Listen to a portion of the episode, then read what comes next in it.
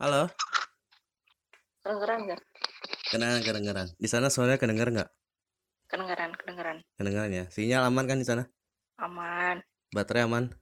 aman, Hubungan aman nggak? aman lah. Oke, Allah. oke siap. Oke, mari kita mulai. Hai, my name is Barry Benhat. I'm welcome to this podcast. Dan sekarang ini gua berkolaborasi dengan salah satu selebgram lah ya. Amin, amin, amin. Ah, hitungannya apa ya? Lu gue lihat sendiri kan di IG kayak buset dah ini anak banyak banget produk-produknya yang mau dipromosiin. Oke deh. Eh, kita kembali ke topik. Lu coba kenalin diri lu lah. Lu siapa? Umur berapa? Eh, kalau kesibukan sekarang ini kan lagi corona. Corona udah gua jelasin kan tadi kan lu ya selebgram lah ya. Nah, untuk realitanya, realitanya sebelum corona ini kegiatan lu ngapain sih? Nah, waktu tempat dipersilakan. Oke, kenalin. Jadi nama gue Jinan Fauzia Batubara. Umur gue 24 tahun. Terus sekarang uh, gue kerja, udah kerja di salah satu perusahaan petrokimia. Yang mana gue kerjanya di lapangan kebanyakan. Terus kesibukan gue sebelum corona ini ya biasa sih sibuk kerja ke sana kemari kerja di lapangan kerja di kantor kayak gitu aja sih. Hmm. Terus selain itu apa ya paling ya jadi influencer aja di Instagram. Oke deh, ini kak top Ketawa iyalah, kan gue kaget orangnya. Ah, ini kan topiknya bukan mengenai Instagram kebetulan bukan tentang influencer, tapi mengenai penyakit yang lu alami sekarang ini yaitu autoimun. Nah, sebelumnya eh autoimun menurut versi lu ini gimana sih? Kan gue cari di internet kan banyak banget nih sumbernya dari apalah dari apalah. Nah, tapi dari versi lu sendiri itu pengertian autoimun itu apa sih? Kalau dari eh, referensi yang gue baca selain dari dokter ya, kan gue juga setelah mengalami penyakit ini pastinya banyak membaca kan cari referensi. Autoimun tuh ya sejenis ada apa ya imun kita bermasalah lah nggak balance. Istilahnya kalau misalnya eh, ada gigi lu gigi lu ompong satu gitu. Jadi dia tuh kayak menyebabkan ketidakseimbangan pas lo mengunyah kayak gitu sih. Jadi intinya ada ketidakseimbangan karena ada uh, apa ya sisi yang copot lah istilahnya di rantai uh, DNA lo mungkin atau di dalam tubuh kayak gitu gitu autoimun tuh banyak jenisnya sih ratusan bahkan gitu Nah, tapi yang lu kena ini di jenis bagian apanya? kalau gue kebetulan kenanya di Sorgen syndrome Itu maksudnya gimana tuh? uh, kalau Sturgeon syndrome itu kan uh, dia apa ya kayak kekurangan uh, cairan cairan di tubuh gitu. Maksudnya cairan-cairan mukosa entah itu air mata atau air ludah kayak gitu-gitu. Tapi dia juga ada versi yang ringan ada versi yang berat. Kalau misalnya di gue gue itu memang nggak ke arah yang kekurangan cairan mata dan lain-lain kayak gitu. Cuman gejalanya di gue itu gejalanya yang ringan-ringan doang. Kayak misalnya uh, suka migrain atau misalnya suka kayak ngerasa mah kayak kayak gitu-gitu kan itu gejala umum orang ya yang kebanyakan Hmm. orang juga ngalamin gitu. Terus kayak kadang-kadang suka pegel-pegel, orang-orang juga kan sering juga pegel-pegel gitu sih. Jadi apa ya autoimun ini menurut gue kalau misalnya kita uh, kalau misalnya gue nggak sengajain ngecek itu tuh nggak akan ketahuan kayak gitu. Hmm. Nah, ini kan apa ya? eh, menuntut lagi dari sejarah. Jadi hitungannya lu pertama kali mengetahui lu kena autoimun itu di kapan dan eh, lu taunya itu pas situasi lagi ngapain? Coba ceritain dong. Uh, Oke, jadi gini, jadi pas uh, awal Juni kalau nggak salah tuh tahun lalu, gue tuh kan masuk rumah sakit gara-gara tipes kan, tipes sama GERD, GERD itu yang penyakit asam lambung itu. Nah, setelah dari situ akhirnya gue selesai apa selesai rawat inap dan rawat jalan tuh gue nggak sembuh sembuh gitu. Maksudnya kayak masih pusing kayak masih sering pengen pingsan perut gue masih nggak sakit kayak gitu gitu akhirnya di situ dokter tuh banyak apa ya nyar, uh, nyaranin gue buat tes ini itu ronsen lah terus cek apa USG lah, cek paru-paru lah, apa-apa dan lain-lain. Ternyata nggak ketemu-ketemu gitu. Sampai dulu tuh gue tuh dikiranya kayak TBC usus lah atau apalah kayak gitu-gitu tuh. Nah akhirnya nggak, uh, akhirnya kan nggak ketahuan tuh dari penyakit apa. Akhirnya salah satu apa jalan terakhir tuh dicek autoimun gitu barangkali dari situ. Nah barulah dari situ barulah ketahuan di situ penyakitnya ternyata gitu. Hmm berarti hitungannya lu selama lu sakit di rumah sakit itu udah berapa hari sih lu uh, rawat inap di rumah sakit itu gue rawat inap seminggu sih rawat jalan wow. gue tuh tiga minggu ya. Gue tuh dulu hampir gak masuk kantor gak masuk kantor lo hampir sebulan gitu hitungannya. Karena gak sembuh sembuh hitungannya apa ya? Uh, maaf kata ya sebelumnya ya. Kok biasanya ini orang awam berpikir bahwa kalau misalnya cuti satu bulan itu mungkin kalau misalnya ada cuti hamil. Iya, iya, gue cuti sakit sih kemarin. Wow, dan untungnya apa ya dari pihak perusahaan yang lu kerja ini kayak mentolerin lah ya? Ya udahlah ya si Jinan ini kan lagi sakit ya udahlah gak apa-apa lah dibiarin aja bisa sampai satu bulan gitu kan. Ya untungnya untungnya gitu gitu sih. Sebenarnya se, apa ya sebenarnya kalau selagi ada proofnya lagi ada buktinya gitu kita ngirimin surat sakit diagnosisnya apa kayak gitu gitu ya dibolehin dibolehin aja. Hmm gitu. Tapi ada pengurangan gaji nggak sih yang lu dapetin? Apa mungkin kayak sebulan sama lu sakit itu Enggak sih sama aja kalau sakit nggak ada gitu. Wow, berarti hitungannya pas lu sakit lu dap masih dapat pendapatan gitu lah ya? Iya, iya nggak dipotong kalau sakit wow, di gue kebetulan. Keren amat. Apa ya hitungannya ya? Uh, sekarang kan uh, kita udah tahu sendiri kan bahwa uh, dari salah satu artis contohnya kayak Raditya Dika atau mungkin kayak Ashanti itu kan rata-rata hmm. orang kalau misalnya begitu iya, iya, gitu kan. benar, benar. Biasanya kan kalau orang-orang yang kayak gitu kan artis kan biasanya uh, mungkin kayak anak kecapean atau mungkin kayak kerja mulu workaholic. Nah, biasanya itu penimbul awal-awalnya autoimun itu dari mana sih? Oke, sebenarnya kalau misalnya yang gue baca nih, kan gue cari referensi banyak juga ya. Jadi ada gue baca salah satu buku dari profesor di Jepang, namanya Hiro Hiromisinya. Dia itu uh, istrinya meninggal karena autoimun gitu. Jadi dia uh, jadi dok dokter dalam ahli bedah itu udah terkenal banget di dunia gitu. Nah dia itu udah apa ya udah istilahnya udah memeriksa lebih dari 30 ribu usus orang Jepang dan orang Amerika dan di sana tuh dia meneliti gitu penyakit-penyakit itu timbulnya dari apa. Nah salah satu si penyakit autoimun ini uh, dia bilang semua penyakit yang datang di tubuh kita itu tidak ada yang tanpa penyebab gitu. Jadi gak mungkin tiba-tiba itu tuh semua karena pola hidup kita dan apa yang kita makan gitu. Hmm. Jadi apa ya istilahnya makanan buat uh, si A belum tentu cocok untuk si B gitu juga sebaliknya gitu. Dan juga pola hidupnya juga ya gak benar dulunya gitu. Hmm, berarti kalau misalnya kejadian sama lu ini gimana? Apakah pola pola hidup lo yang gak benar atau pola makan lo yang gak benar?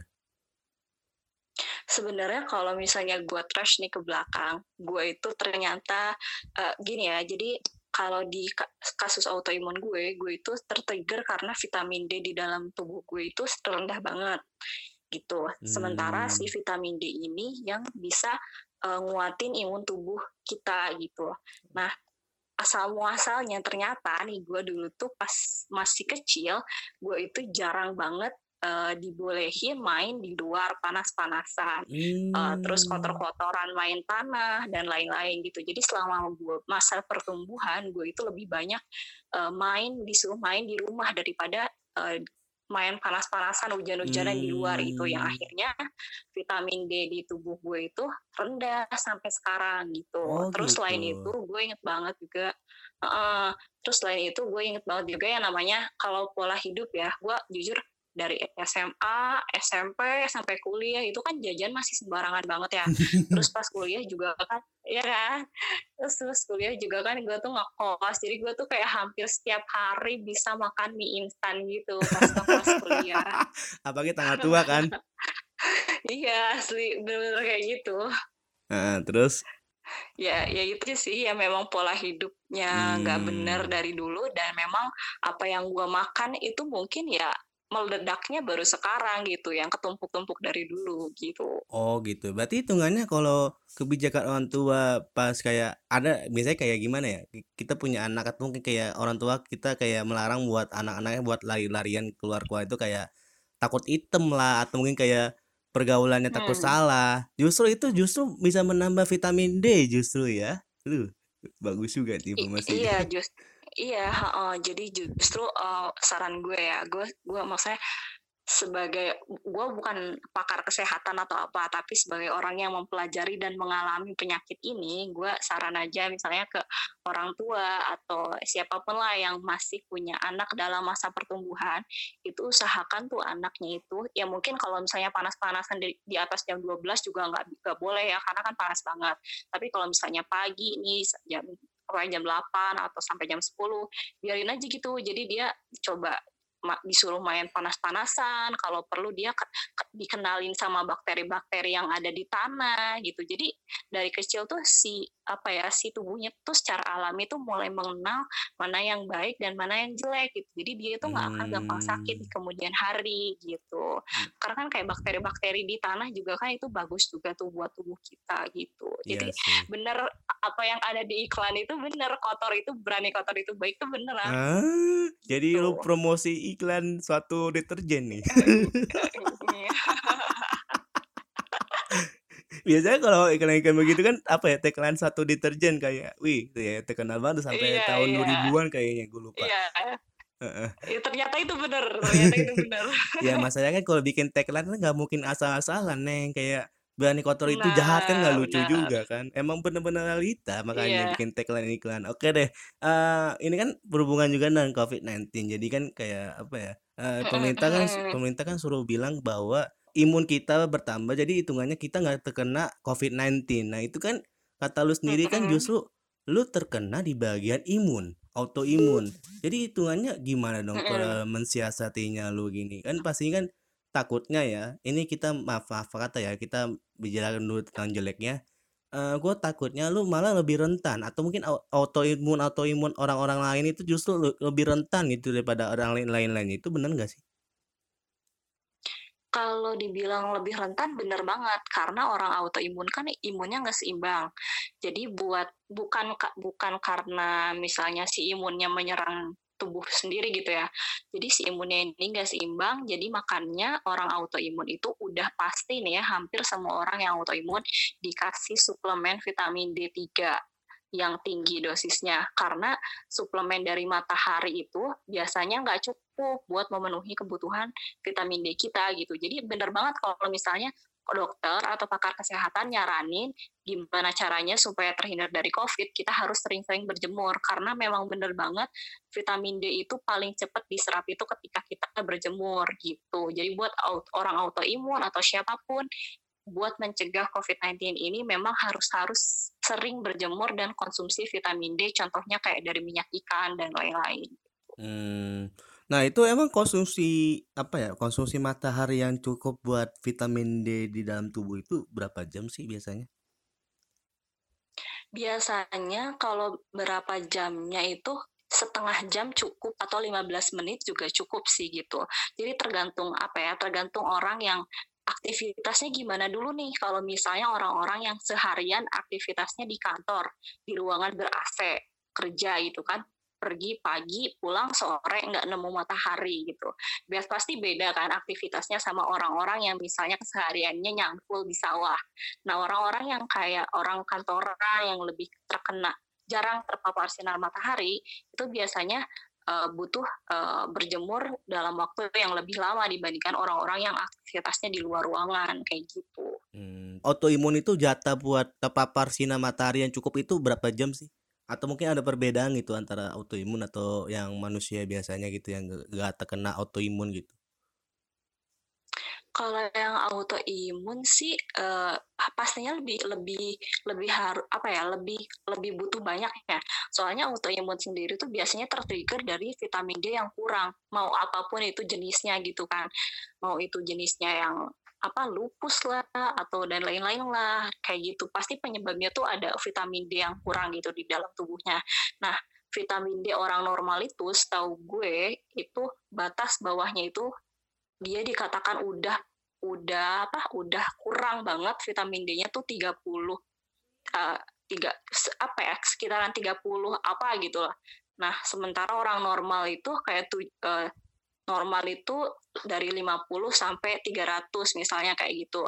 Nah, orang-orang autoimun itu rata-rata punya vitamin D itu di dalam tubuh itu kayak sekitar cuman 11 atau misalnya 16 kayak gitu lah pokoknya. Nah, dan gue itu dulu pas pertama banget tahu autoimun gue itu dulu cuman 10 nilai auto uh, wow. kandungan autoimun gue eh, kandungan vitamin D gue di dalam tubuh bener-bener jauh banget dari kata minimal gitu minimalnya aja 30 hmm. gitu sementara gue cuma di angka 10 dan itu bener-bener harus bener-bener di up banget dan alhamdulillah setelah gue rutin berjemur gue rutin konsumsi vitamin D dari minyak ikan sekarang gue udah mulai naik tuh ke angka 27 seenggaknya udah mendekati minimal gitu. Oh. Nah kalau oh. misalnya si vitamin D ini tercukupi, kebanyakan orang autoimun itu bisa sembuh kayak gitu. Jadi dengan dengan vitamin D-nya cukup di dalam tubuh, orang-orang autoimun ini istilahnya autoimunnya nggak ngeflare lah gitu, nggak nggak apa nggak kambuh gitu. Hmm gitu. Berarti hitungannya autoimun itu sering kambuh juga ya? Iya benar. Jadi dia itu sering kambuh. Pokoknya salah salah makan aja atau misalnya pola hidupnya nggak bener aja, dia sering nge-flare. Biasanya kayak gitu. Hmm.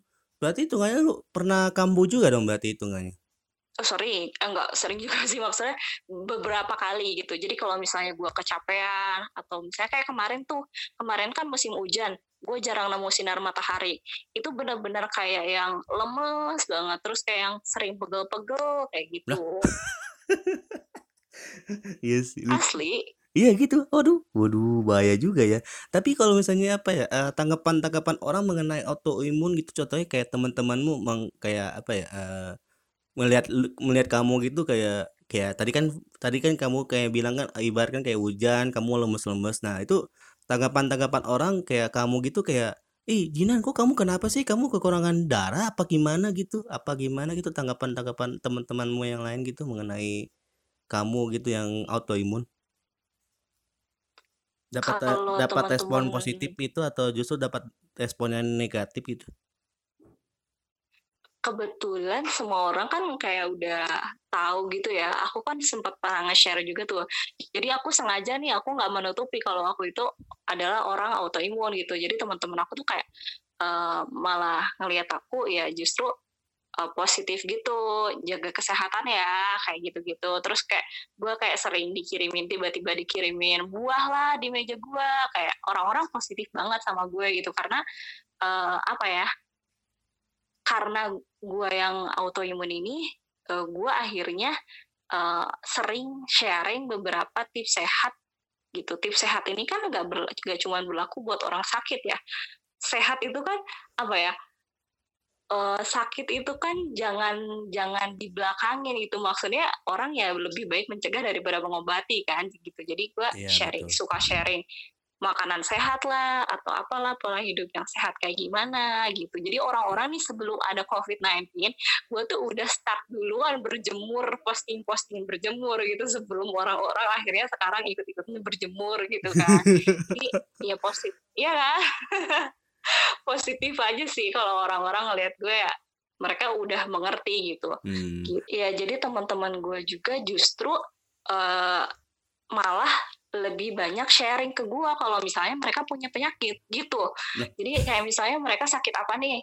Mereka nanya ini ke gue, kira-kira gue kenapa ya gitu kira-kira ini obatnya apa ya padahal gue kan bukan dokter bukan apa gitu ya tapi gue coba jelasin aja sebisanya gue gitu hmm, jadi pas itu apa ya gue juga teringat sih mungkin kayak antara di status WhatsApp atau mungkin di status IG snack bilang gitu kayak lu bilang kayak ada pepatah yang si apa ya uh, ada orang dari apa ya influencer TikTok lah ya dibilang lu udah nyelam tapi gue udah kering duluan. Nah itu hitungannya ya. Iya iya iya iya. Benar benar benar. Ya itu sih anjir. Lucu banget itu. Oke deh ada lagi nggak sih yang lu pengen bahas itu tentang autoimun gitu? Uh, apa ya sebenarnya gini ya orang kalau mau misalnya dicek dicek semua uh, kesehatannya itu pasti aja ada aja yang ketahuan penyakitnya. Nah, jadi si autoimun ini uh, bukan berarti apa ya orang yang autoimun tuh bukan berarti juga dia tuh kayak punya penyakit yang apa yang keras gitu kayak kanker atau apa apa gitu bisa aja orang-orang yang nggak ada gejala apa pun yang kayak cuman misalnya pegel-pegel atau sering migrain pasti tes bisa jadi positif autoimun gitu jadi dia tuh memang mulai dari yang rendah sampai yang berat tuh ada gitu nah si sering dengar kan kayak rematik dan lain-lain kayak gitu kan nah hmm. si rematik ini juga termasuk dalam kategori penyakit autoimun sebenarnya wow. gitu hmm. jadi si autoimunnya memang banyak banget gitu. Kalau misalnya kalian mau coba cek ya ceklah nanti pasti ketahuan gitu dan gue justru lebih seneng kalau misalnya gue udah tahu penyakit apa yang ada di dalam diri gue sehingga gue bisa mencegah gitu apa sih yang boleh apa sih yang nggak boleh gitu. Hmm, berarti biasanya ya uh, ini untuk yang cek untuk autoimun itu di rumah sakit bayar nggak sih atau justru pakai BPJS pun bisa? Bayar sih. Kalau lu kemarin berapa, kalau boleh tahu? Gue itu kebetulan kan dokter tuh setahu gue dokter autoimun tuh di Indonesia tuh terbatas ya. Kalau nggak salah cuma sekitar tiga orang atau berapa orang gitu. Jadi wow. pusatnya itu kan di Jakarta. Di Jakarta pun cuma ada dua dokter autoimun dan orang di Bandung ada satu kalau nggak salah tapi yang di Bandung pun akhirnya berobat ke dokter yang di Jakarta okay. gitu jadi memang ini kayak penyakit bukan dibilang langka iya karena orang-orang nggak ketahuan karena nggak ngecek gitu kan. Hmm. lumayan mahal sih gitu kan buat sekali konsultasi ke dokternya aja itu bisa 500 500 ribu? Sekali konsultasi. Mm wow. sekali konsultasi gitu. Ada minimalnya nggak sih untuk konsultasi gitu? Minimal apanya nih? Contohnya kayak harus berapa kali dulu baru bisa ketahuan gitu kalau saya kamu udah autoimun apa gimana gitu Kayaknya enggak sih, kayaknya enggak. Jadi kalau misalnya apa ya, dirasa punya penyakit yang yang apa ya udah ke dokter dalam atau ke mana nggak sembuh sembuh bisa aja dia minta cek kayak gitu bisa kali oh gitu ya nah berarti hitungannya lu mm -mm. konsultasi kemarin berapa kali gua tuh karena kan kalau autoimun gitu kan sifatnya bukan penyakit yang sekali sembuh jadi dia hmm. kayak harus kontrol, kontrol, kontrol gitu kan. Kebetulan gue itu dulu awalnya itu disuruh kontrol sebulan sekali gitu. Jadi memang si appointment dokternya pun harus sebulan sebelum kalau pengen dapet jadwal karena ini benar-benar dokternya benar-benar langka dan pasiennya lumayan Anjay gitu. dong. Udah kayak nah, apa ya iya. pemesanan iya. di resto mahal aja ya kayak dibukin dulu sebulan Makanya, sebelum. Iya. Wow. Iya, benar-benar benar-benar benar-benar sebulan baru bisa dapat jadwal itu benar-benar. Jadi gue dulu sebulan sekali, akhirnya karena gue lumayan cepat penyembuhannya, ya dari tiga bulan sekali, dua bulan sekali gitu baru kontrol lagi gitu aja. Hmm, dan uh, lu dapat obat rujukannya itu dapat obat apa sih sih? Kalau gue tuh kebetulan karena memang gue yang nggak terlalu parah penyakitnya, karena kan gini, kalau misalnya orang autoimun tuh biasanya dikasih steroid. Jadi si steroid ini fungsinya buat menekan uh, imun tubuh kita yang terlalu reaktif gitu. Jadi justru sebenarnya obat si steroid ini bakalan bikin imun tubuh kita tuh jadi lemah. Cuman untungnya imun tubuh kita itu nggak menyerang diri kita sendiri dengan terlalu reaktif. Nah kebetulan karena gue itu nggak uh, terlalu parah dan kayaknya sih bisa diatasin dengan menaikkan vitamin D. Jadi gue cuman dikasih beberapa vitamin. Jadi kayak vitamin D3, terus kalsium, terus vitamin buat pembuluh darah, terus vitamin buat pencernaan, kayak gitu-gitu doang sih. Hmm, gitu ya. Nah, tadi kan kata lu sendiri kan apa uh, pengaruh dari autoimun imun sendiri kan kayak uh, makan gak sehat atau mungkin kayak uh, kurang kurang yang berjemur gitu kan. Nah, uh, apa sih siasat lu gitu? Kayak apakah lu udah mulai mengurangi junk food atau mungkin kayak apa gitu loh untuk apa ya untuk lu makan untuk kayak sarang-sarang ini tuh biar menambah vitamin D lu itu atau mungkin kayak menghilangkan full gitu untuk autoimun lu uh, kemar kebetulan apa kemarin uh, pas gue yang nggak sembuh sembuh itu yang pas apa ya Juni Juli apa Agustus gitu kan gue tuh kan itu benar-benar sempat ngedown ya di situ. Karena karena gue itu gak tahu gitu autoimun tuh sebenarnya apa gitu pada awalnya. Kayak ngedenger kata autoimun tuh kayak udah sejenis hah? Lupus hah leukemia kayak gitu-gitu kan. Dan akhirnya iya kan benar kan? Kayak awam gitu kan kita iya awam, awam gitu sama yang awam. kayak gitu. Terus biasanya kalau osteo ya nah osteoporosis kan udah tahu lah mungkin kayak uh, TBC kan udah tahu kan kayak gimana kayak ah autoimun apaan ini? Imun imunnya berlebihan apa gimana? Gitu kan. Iya gitu. Jadinya. Nah dokter juga justru bilang gini, kamu jangan coba-coba coba-coba cari ya autoimun apa. Gitu. Dokternya malah bilang kayak gitu. Terus, hah, kenapa kenapa nggak boleh cari gitu kan? Ternyata kata dokternya itu semakin kita stres, semakin nanti autoimunnya nge-flare katanya gitu. lah. Jadi mending gak- mending lebih baik bener.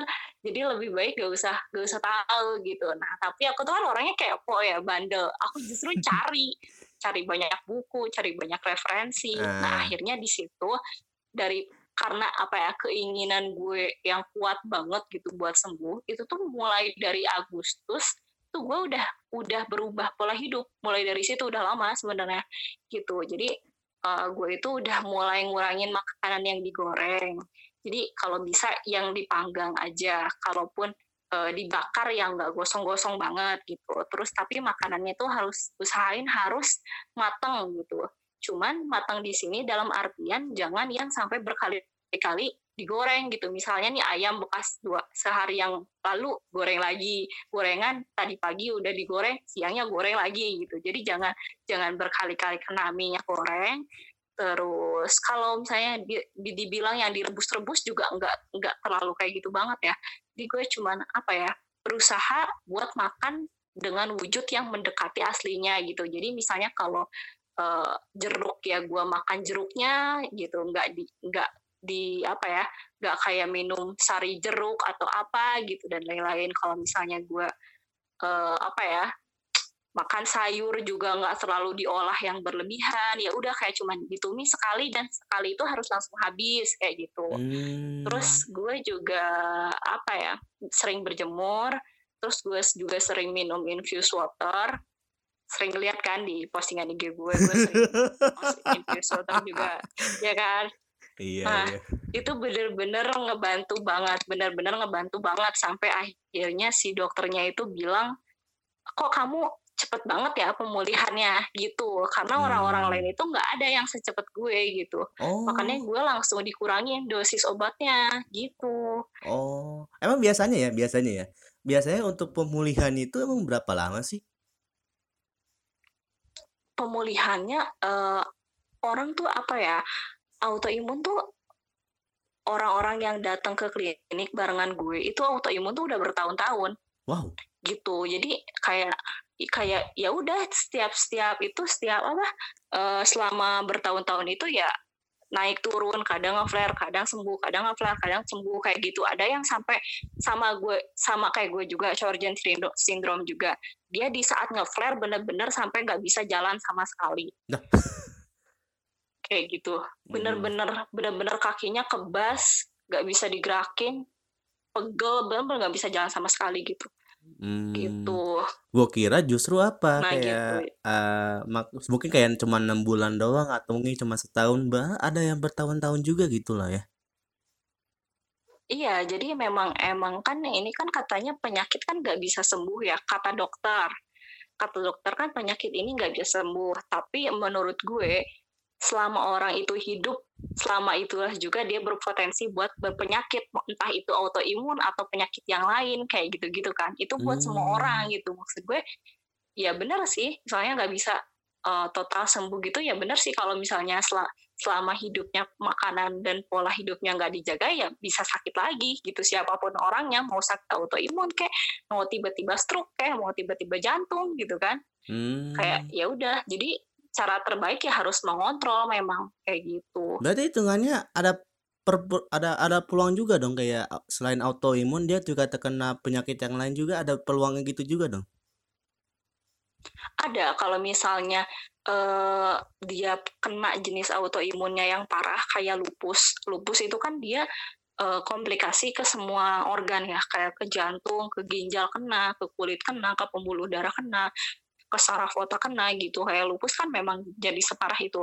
Tapi banyak juga orang yang bisa sembuh dari lupus. Kayak gue juga sering nontonin kan akhirnya orang-orang yang apa ya punya penyakit yang sama kayak gue gitu. Hmm. dia jadi motivator lah di YouTube atau apa pun. Jadi benar-benar dia benar-benar bisa lembuh da sembuh dari lupus yang sebegitu mengerikannya. Ada juga yang kayak gitu Hmm, gitu. Nah, tadi kan apa ya? Kita flashback sebentar kan. Tadi kata kata lu kan dokter dokter yang mengurus autoimun bilang kayak penyakit autoimun itu nggak pernah sembuh. Apa tuh kayak gak, bisa sembuh lah ya. Tapi ada nggak sih kayak lu lihat justru kayak ada pasien yang ternyata benar loh, ada ada loh yang kayak uh, autoimun ini bisa sembuh. Dan itu pertama. Yang kedua, kan kata lu sendiri kan kata dokter sendiri ya, kata dokter sendiri kan kayak jangan cari atau autoimun itu apa dan lu malah malah ngeyel untuk mencari tahu. Nah, itu lu untuk kayak kepo-kepo gitu apakah lu makin stres untuk mengetahui faktanya bahwa autoimun begini apa gimana gitu? Kalau buat yang pertama itu kan tadi gue udah disebutin ya banyak orang yang berhasil sembuh dari autoimun sekalipun itu autoimun yang mengerikan kayak lupus hmm. gitu itu hmm. jadi motiv motivasi buat gue juga terus uh, yang kedua dengan gue mencari dan mempelajari autoimun itu apa? Kalau mempelajarinya bener-bener dan gak setengah-setengah gak malah bikin stres tapi malah bikin gue jadi tahu kalau ini tuh ternyata sebabnya dari sini dan bisa sembuh dengan ini gitu. Hmm, itu jadi malah malah mempermudah gue sih dalam penyembuhan justru. Hmm, berarti tuh kayak cuma sugesti dari dokter itu doang dong kayak memberitahu kayak jangan cari itu karena nanti kalau saya lu cari tahu nanti lu makin stres itu sugesti doang dong berarti ya? Kalau misalnya untuk orang-orang yang mungkin apa ya nyarinya sekedar nyari-nyari autoimun apa di Wikipedia atau apa gitu-gitu yang sumbernya nggak jelas kan pasti apa ya infonya tuh sepotong-sepotong gitu. Autoimun hmm. adalah penyakit yang mengerikan sejenis lupus dan lain-lain gitu kan. Nah, hmm. Nah maksud si dokternya ini benar, menurut gue maksud dokternya ini benar karena ketika orang itu stres dia malah tambah naik autoimunnya, sedangkan orang-orang yang uh, punya penyakit autoimun atau apa pun lah sejenis mau kanker lah mau apa jantung dan lain-lain mereka kan dengan tambah stres makin tambah parah penyakitnya hmm. gitu jadi sugesti dokter tuh benar menurut gue gitu. Tapi untuk orang-orang yang benar-benar mempelajari karena pengen sembuh itu menurut gue gak apa-apa. Eh, kalian cari aja gitu sumbernya tapi dengan sumber yang jelas gitu. Hmm. nah tadi kan kata lu kan biasanya untuk minuman yang biasanya lu konsumsi kan itu infus water. Nah itu infus infus apa? Infus water ya? itu apa sih? In, infus water. Uh -uh. itu tuh uh, jadi jadi gini jadi sari-sari atau vitamin-vitamin yang kita butuhkan dari buah atau sayur itu nggak semuanya bisa kita dapetin dengan kita langsung uh, apa me, apa langsung misalnya meng, mengkonsumsi misalnya di secara dikunyah atau misalnya langsung di blender kayak gitu-gitu. Nah banyak banyak vitamin-vitamin yang dia itu justru keluar ketika dia uh, apa ya berpindah dari si buah itu ke air gitu. Jadi misalnya kayak lemon dari lemon dari apa kulitnya. Kalau terus misalnya kayak apa timun dari bagian apanya itu tuh bisa keluar vitaminnya setelah dia itu uh, berpindah dari si buah itu ke air gitu. Jadi itulah vitamin-vitamin yang dibutuhin sama kita dari buah kadang-kadang nggak bisa kita dapat dengan kita langsung mengkonsumsi dengan maunya. Jadi dia harus direndam dulu, baru vitaminnya keluar, barulah kita bisa dapetin gitu. Jadi dengan minum infused water itu lebih banyak apa ya, lebih banyak vitamin vitamin-vitamin yang berasal dari buah atau sayur yang bisa kita dapet, dapetin dibandingkan dengan cara di jus atau misalnya langsung dikunyah sama kita gitu. Hmm. Kayak misalnya kita uh, pengen da pengen dapetin vitamin dari seledri misalnya ya. Sementara si seledri itu kalau kita kunyah mentah-mentah kan nggak enak juga. nah dengan iya kan, bener yeah. kan? Atau misalnya vitamin dari apa kulit jeruk kulit lemon gitu. Kalau misalnya kita gigit kan juga pahit gitu As kan. Nah, pahit ya, dengan, ya, bukan asam. Dengan ya? si infused water itulah solusinya gitu. Hmm, oke okay, oke okay, oke okay, ya ya. Nah, apa tuh hitungannya eh, campuran-campuran buah atau mungkin sayur yang lu biasa ya campurin di infused water itu apa sih? Uh, kalau misalnya campuran buah dan sayur yang biasa tergantung sih ya kalau misalnya uh, kita lagi pengen kulitnya misalnya kalau misalnya buat cewek nih lagi pengen uh, lagi ada masalah kewanitaan atau lagi berjerawat kulitnya lagi nggak sehat itu bisa minum infused water dari timun kayak gitu. Terus kalau misalnya buat orang-orang yang kena gangguan pencernaan dan lain-lain itu bisa minum infused water dari lemon. Kayak gitu-gitu. Tergantung sih gue mix aja sebenarnya. Mau itu lemon sama timun lemon sama madu apa sama semangka atau sama apa apa pun bisa gitu dijadiin infused water. Hmm, kayak gitu, gitu. ya.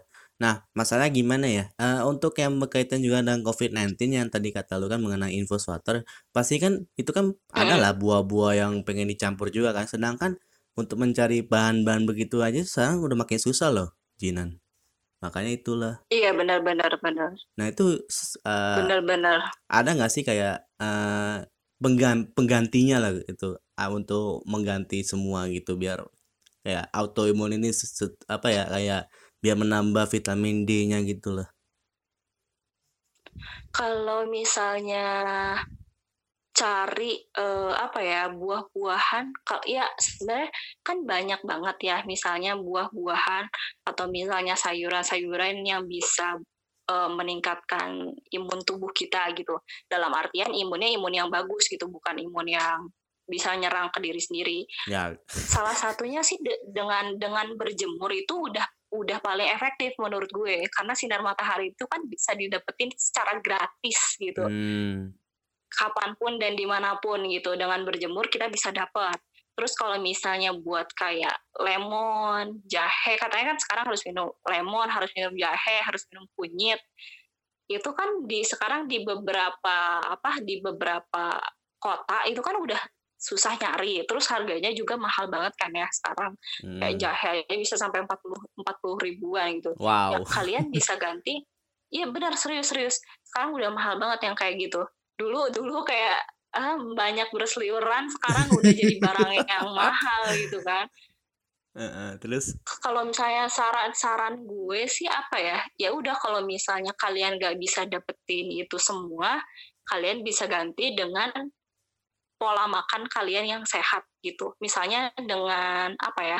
Kalau misalnya nih kita nggak dapet apa nggak dapet lemon sementara lemon tuh bagus buat pencernaan dan lain-lain. Ya udah kita buat mensiasati si pencernaan itu ya kita pola makannya harus bagus. Misalnya kita minum 2 liter air dulu sebelum makan supaya pencernaan kita jadi bersih. Karena kan sebenarnya fungsi si lemon itu selain menetralkan asam lambung dia kan memperbaiki dan mem, apa ya memperbaiki kinerja usus sebelum kita siap untuk makan gitu. Jadi sebenarnya si infused water lemon dan jahe dan lain-lain itu dikonsumsi itu setengah jam sebelum makan. Hmm, gitu nah iya, iya gitu. Kalau misalnya nggak ada, ya udah kalian misalnya minum 2 liter air gitu sebelum makan. Terus kalian bisa clean eating gitu, nggak banyak terlalu banyak diproses kayak gitu-gitu aja sih. Itu juga bisa memperkuat kok. Terus kayak olahraga kayak gitu-gitu aja. Hmm. Gak nah, usah maksain lah. Oh. Iya. Berarti hitungannya apa ya? Kata lu kan uh, untuk menambah vitamin D kan uh, lu harus berjemur. Nah itu nggak takut gelap gitu loh? Apakah lu harus pakai? Enggak sih lu apa lu harus pakai lururan dulu buat biar biar menangkal vitamin D gitu? Kan biasanya biasanya ya biasanya kalau misalnya kita ke pantai kan nah kita kan pasti ada lah uh, ada sinar mata yang masuk ke tubuh kita. Nah itu biasanya orang-orang pada iya, iya. pakai apa? apa? Lururan apa gimana? Lupa gua. Kalau misalnya kalian nggak pengen kulitnya hitam ya udah pakai sunblock. Ah sunblock. Itu ah, aja sorry. sih Hmm, Iya, uh, jadi kalau misalnya nggak pengen kulitnya hitam ya udah pakai sunblock aja gitu kan karena beberapa orang kan ya pengen kulitnya putih atau apa terus ke muka juga kan takutnya jadi hitam. Yeah. Nah kalau misalnya gue, gue itu lebih lebih takut sakit dibandingkan lebih takut hitam. Wow. Bener. Jadi jadi gue ya bodo amat kalau misalnya gue mau hitam atau putih ya itu nggak jadi masalah. Emang itu tolak ukur kecantikan gitu. Ya lebih lebih baik. Ya kan? Kayak lebih baik ya udah. Lebih mendingan sehat lah daripada takut hitam ngapain? Iya iya, soalnya gue juga gak pernah lihat tuh seorang jinan gitu, gak pernah. Itu gue lihat gelap gitu atau mungkin kayak hitaman gak gak pernah gue lihat itu. Tetap aja putih-putih aja. Sumpah, itu itu kayak item-item kayak gitu ya. Apa ya? Banyak lah gitu. Bisa bisa kita usahain dengan luluran dan lain-lain. Tapi kalau kita sakit kan susah repot. Iya sih, betul. Tapi biasanya ya, iya biasanya kan? kalau kita berjemur kena apa tuh pakai sunblock itu vitamin D yang dapat dari matahari itu kita dapat juga atau justru nggak dapat? Dapat sih, kalau misalnya sunblock itu kan cuma buat menangkal sinar UVA dan UVB gitu yang yang nggak dibutuhkan sama tubuh gitu. Jadi kalau vitamin D-nya dia tetap dapat. Tapi peluang untuk masuk ke tubuhnya itu lebih besar atau lebih dikit? Atau sama aja justru? Enggak sih, sama aja, sama aja. Dia buat menangkal supaya nggak masuk ke kulit aja maksudnya si sinar UV-nya itu yang bikin kulit katanya kan bisa bisa bikin kulit kita kanker lah, apalah. Tapi menurut gue itu selagi kita berjemur di bawah jam 10 itu masih aman, nggak usah kayak pakai sinar apa nggak usah pakai sunblock buat menangkal sinar UVA, UVB kayak gitu gitu nggak usah sih. Hmm, berarti kalau saya di atas dari jam segitu matahari udah jelek banget lah ya. Iya, soalnya gini, jadi kenapa dibilang matahari bukan sebenarnya bukan mataharinya yang jelek ya di atas jam 10, tapi tapi itu karena eh, karena di kita kan di jam di jam-jam 10 segi- dan jam-jam segitu itu kan transportasi udah mulai banyak, udah mulai berseliweran.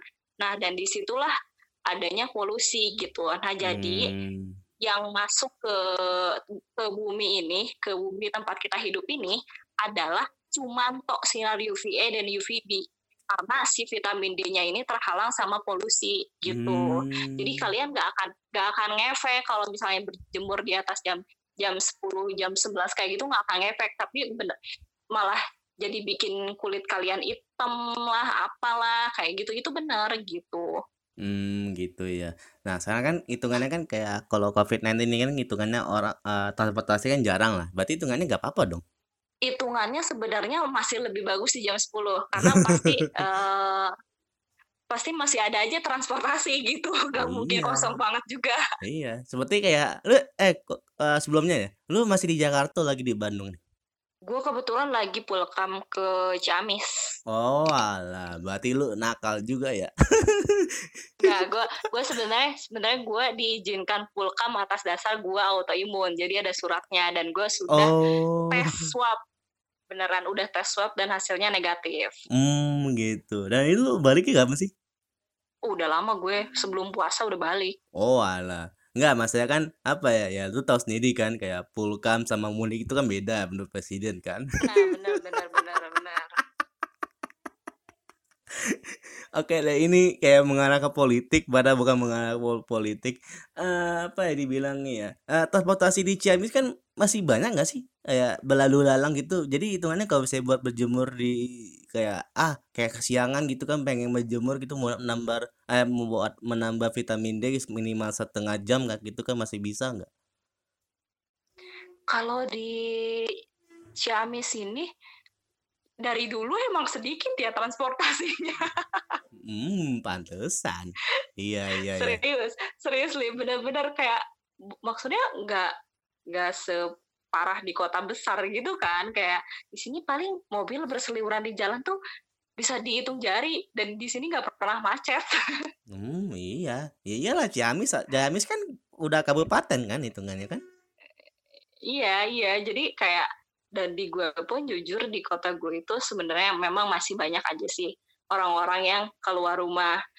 Tapi Hmm. eh, apa ya istilahnya ya karena nggak ada bantuan juga misalnya kalau misalnya dikasih uang satu juta mas sebulan buat hidup masih gak apa-apa gitu tapi orang-orang yang dagang pedagang-pedagang kaki lima gitu kan mereka kan nggak bisa hidup juga kalau keluar nggak keluar rumah gitu jadi masih banyak aja sih yang tetap jualan tapi yang kayak Hmm. kayak nongkrong-nongkrong gitu memang udah ditertibin di sini Ya iyalah, Jinan. Jangan kan di Ciamis aja, di Jakarta juga udah banyak begituan, Jinan. Iya, iya maksudnya kayak kalau misalnya orang-orang yang jualan kayak gitu tuh masih ada sih. Hmm, iyalah. Oke deh, eh, mungkin uh, lu kasihlah kesan pesan gitu lah mengenai topik kita kali ini yaitu atau imun gitu. Kalau kesan gue buat orang-orang yang mungkin mengalami penyakit yang sama dengan gue autoimun ataupun penyakit berat lainnya, entah itu kanker, leukemia, jantung, kolesterol dan sebagainya, kalian nggak usah terlalu parno, nggak usah terlalu stres gitu, karena uh, salah satu hormon yang bisa bikin tubuh kita kuat imunnya adalah dengan cara berbahagia gitu. Jadi uh, dengan kalian berbahagia dan gak stres itu juga bisa meningkatkan imun tubuh kita gitu. Terus uh, pesannya buat semuanya nih di tengah-tengah COVID-19 alangkah baiknya menurut gue orang yang nggak berpenyakit pun atau yang tidak merasakan gejala apa pun tetap mulai hidup sehat mulai dari sekarang karena orang yang kelihatannya sakit eh ya orang yang kelihatannya sehat itu belum tentu dia nggak sakit. Bisa jadi dia itu sedang menumpuk penyakit yang akhirnya timbulnya meledak di kemudian hari kayak orang-orang yang jantung atau stroke dan lain-lain. Jadi alangkah baiknya mulai uh, pola hidup sehat dari sekarang banyak berjemur terus makan yang sehat-sehat olahraga minum yang banyak juga sam jangan sampai dehidrasi gitu aja sih Hmm, ada lagi nggak yang lu pengen sampaikan gitu? Atau mungkin kayak ada uh, omongan yang lu belum belum lu sampaikan gitu yang tadi di topik pada kali ini? Atau mungkin kayak lu kelupaan gitu? Apa ya? Kalau misalnya, oh ya, uh, satu lagi ini yang paling penting banget buat kita semua supaya terhindar dari yang namanya penyakit, entah itu penyakit apa pun. Kita itu kan harus uh, tenang hatinya tuh harus tenang gitu. Nah, si penyakit-penyakit hati ini banyak banget menimbulkan penyakit fisik. Jadi selain kita pola hidup sehat dan lain-lain, kita juga harus mendekatkan diri kepada uh, Tuhan gitu. Kita harus sering-sering beribadah supaya hatinya tenang. Terus kita juga kayak apa ya udah usaha ya udah kita pasrahkan hasilnya gitu. Jangan kok gue nggak sembuh sembuh sih? Kok gue udah udah ngelakuin pola hidup sehat? Ini itu tetap aja berpenyakit gitu. Nah itu justru yang uh, bakalan menghambat penyembuhan kita gitu. Jadi kita jangan stres terus beribadah kalau bisa sambil meditasi gitu. Hmm, berarti hitungannya apa ya? Ini baru pertanyaan uh, pertanyaan yang gue baru terlintas di pikiran gue yaitu uh, berarti hitungannya lu orangnya bodoh amat dong Iya benar-benar cara paling cara paling terbaik ad, untuk uh, recovery itu kita adalah dengan kita tidak menyadari kalau kita punya penyakit itu. Semakin hmm. kita pikirin kalau kita misalnya ih kita ini autoimun, aku tuh takut ini takut itu itu tuh jadi malah bikin kita nggak apa ya nggak sembuh sembuh kayak misalnya janganlah autoimun orang yang punya penyakit mah deh kalau orang itu ngerasa selama dia ngerasa dia itu punya mah yang misalnya aduh mah aku kronis nih aku nggak boleh makan ini aku nggak boleh makan itu terus aja dipikirin. Itu tuh sekalinya dia minum yang asam padahal asamnya tuh bagus misalnya lemon ya. Kan lemon itu sebenarnya nggak nggak bikin sakit mah tapi dia tiba-tiba sakit. Itu bukan karena lemonnya tapi karena sugestinya dia sendiri gitu. Jadi memang benar-benar harus kayak ya udah kita yang penting udah ngelakuin hidup sehat udah nggak usah dipikirin kayak hmm. gitu aja hmm, sih Wis mantap lah. Oke deh, thank you ya Jina atau satunya. Sorry banget ganggu waktu lu sebelumnya. Gak apa-apa, santai. Enggak, maksudnya siapa tahu kan gitu kan waktunya lu pengen ngebucin dulu kan atau mungkin gak ngebantu orang tua dulu kan. Enggak lah. Uh, paling nanti sore-sore lah siap-siap buka puasa. Oh iya lupa gua. Oke, thank you. Sorry banget ganggu. Dan ini berakhir juga episode kali ini dan sampai jumpa di episode berikutnya. Dadah. Dah.